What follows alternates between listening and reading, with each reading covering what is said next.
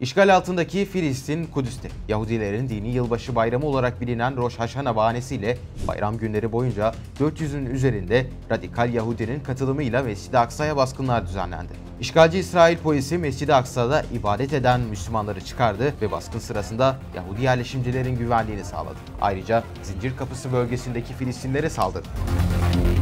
Yahudi yerleşimciler Mescid-i Aksa'da sesli ve aleni bir şekilde dini ritüellerini gerçekleştirirken içlerinden bir tanesi Mescid-i Aksa'ya gizlice soktuğu şofarı çıkartıp şofara üfledi. Şofar Yahudiliğin sembollerinden biri olup çeşitli münasebetlerde olduğu gibi Yahudi dini bayramı Roşana'da da üflenir. Mescid-i Aksa'nın içinde ilk kez 2021 yılında beklenmeyen bir baskında üflenmişti. 2022'de de yine üflendi, üçüncü kez de bu sene üflendi. Uzmanlara göre bu radikal grupların 3 yıl üst üste bu geleneksel ritüeli gerçekleştirme ve özellikle Mescid-i Aksa'nın içinde şofara üfleme girişimleri Mescid-i Aksa'ya çok büyük tehlikeler oluşturuyor. Detaylar için Filistin Ortadoğu uzmanı ve Mescid-i Aksa Kurumsal İletişim Ofisi eski sorumlusu Doktor Abdullah Maruf bizimle birlikte. Abdullah Hocam hoş geldiniz. Hoş bulduk. Teşekkür ederim. Hocam şimdi öncelikle son süreçte Mescid-i Aksa'ya yönelik baskınların e, eskisinden fazla arttığını görüyoruz. Bunun sebebi nedir ve bu baskınlarla ne amaçlanıyor tam olarak? Aslında bu baskınlar yeni bir şey değil, 20 yıldır devam ediyor. Ancak son süreçte baskınların şekli ve amaçları değişiyor. Radikal Tapınak grubunun açıkladığı temel amaç, Mescid-i Aksa'daki mevcut durumu değiştirmek ve Mescid-i Aksa'nın görünümünü değiştirmektir.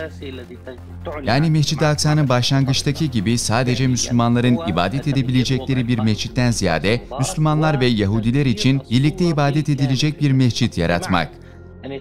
Bu Mescid-i Aksa'daki mevcut durumun tamamen değiştirilmesi anlamına geliyor. Fakat bu grupların tek ve son istekleri değil, aksine net bir şekilde istedikleri ve açıkça bildirdikleri bir fikrin başlangıcıdır. Nihai hedefleri Mescid-i Aksa'nın tamamını kontrol altına almak. Bu 1990'ların sonunda Filistin'in El Halil kentindeki İbrahim Camii'nde yaşananları hatırlatıyor. İbrahim Camii katliamının ardından cami fiilen ortak kutsal bir alan haline getirildi ve zamanla bu caminin durumu değiştirildi ve en son 2009'da Yahudi mirasının bir parçası olarak ilan edildi. Dolayısıyla yasal olarak Müslümanların geçici olarak ibadet etmelerine izin verilen bir sinagoga dönüştürüldü. Bu izin Müslümanlardan her an geri çekilebilir. Mescid-i Aksa için amaçlanan da bu. Kısacası Mescid-i Aksa'yı tamamen bir tapınak haline getirmek istiyorlar. Ama bunu yavaş yavaş yapıyorlar. Kullandıkları yöntem de Mescid-i Aksa'daki sayılarını artırmak ve bu anlamda yıllık tatil gibi fırsatları kullanmak. Hocam İbrani Yeni Yılında Mescid-i Aksa'ya düzenlenen baskınlar sırasında e, mescidin içinde şofara üflendiğini gördük. E, Mescid-i Aksa'nın içinde şofara üflemek ne anlama geliyor ve bunun bir tehlikesi var mı? İbrani yeni yılında şofar üflemek genel olarak Yahudi toplulukları için başlangıç ve bitiş arasındaki farkı simgeleyen dini bir gelenek. Yahudi yılbaşına özgü bir ayin olarak kabul edilir ve bu iki zaman arasındaki farkı işaret eder. Bu nedenle Yahudi yılbaşında şofar üflenir çünkü bu sona eren bir zamanı ve başlayan yeni bir zamanı işaret eder. Ayrıca bu gruplar için dini bir sembolizme sahip. Sadece iki vakit arasında fark anlamına gelmekle kalmayıp, Yahudi egemenliğinin belirli bir yer üzerinde kurulması anlamına da geliyor. Bu sebeple 1967'de işgalci İsrail güçleri Meşrid-i Aksa'ya ve Batı Duvar bölgesine girdiğinde, o zamanın İsrail ordusu hahamı Batı Duvar'da şofara üfleyerek yeni bir dönemin başlangıcını işaret etti. Bu dönemi Yahudi döneminin başlangıcı olarak kabul ediyorlardı. Şimdi ise aşırılıkçı gruplar yıllardır Mescid-i Aksa ile ilişkilendirilen tüm dini ritüelleri yerine getirmeye ve bu şekilde manevi olarak tapınağı yeniden inşa etmeye çalışıyorlar. Dolayısıyla tapınağı fiziksel olarak kurmadan önce manevi olarak kurmaya çalışıyorlar. İbrani yeni yılına gelecek olursak, bu grupların gerçekleştirmesi gereken en önemli ritüelin şofar üflemek olduğu belirtiliyor. Bu durumda şofarı üflemek iki anlama geliyor. İlki bir yılın sona erdiğini ve yeni bir yılın başladığını gösterir. Yani yeni bir dönemin başlangıcını. İkincisi ise geçmiş yıllarda bu grupların Mescid-i Aksa'nın içinde bu ritüeli gerçekleştirme girişimlerinde gördüğümüz gibi İslam'ın kutsal alanına egemenliklerini doğrulamaya çalışmaları. Dolayısıyla şunu fark ettik ki geçen yıl ve ondan önceki Mescid-i Aksa'nın içinde ilk şofara üfleme eylemi gerçekleştirildiğinde işgalci İsrail yönetimi bu ritüelin kayıt altına alınmaması ve görüntülerin yayınlanmaması için büyük bir baskı uyguladı. Peki neden neden böyle bir şey yapıldı hocam?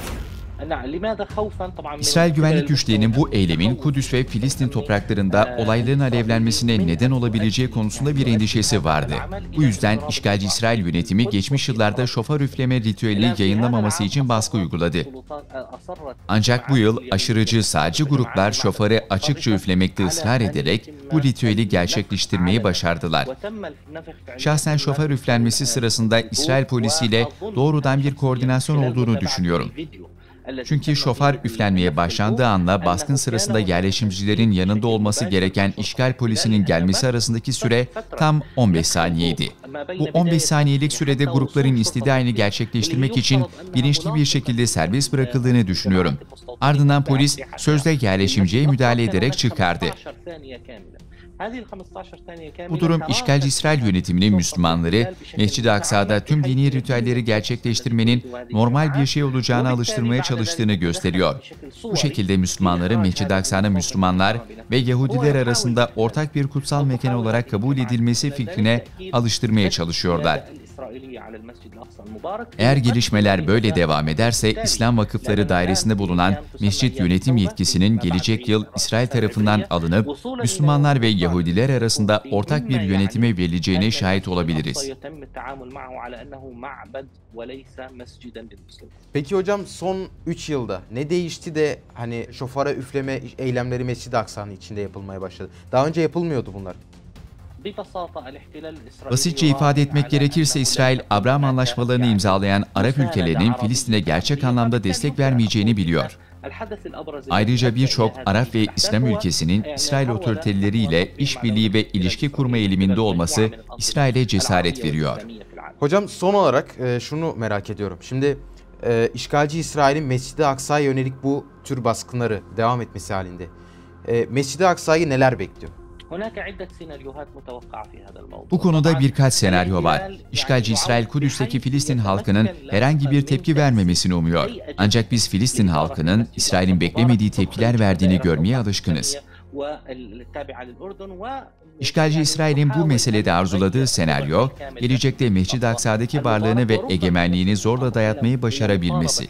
Bu ileride Mescid-i Aksa'yı yönetmek için yeni bir kurum kurma çabasıyla sonuçlanabilir.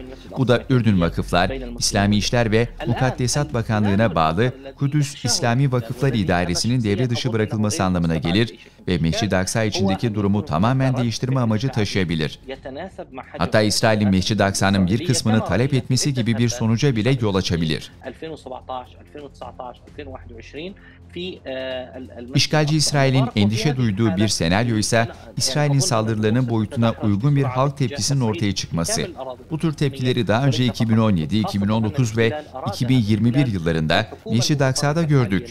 Bu durumda sadece Kudüs'te değil, tüm Filistin topraklarında kriz tırmanabilir. Özellikle de İsrail'in mevcut aşırı sağ hükümetinin bölgesel bir din çatışması istediğini göz önünde bulundurduğumuzda böyle bir tepki işgalci İsrail için büyük bir tehlikenin işareti olabilir.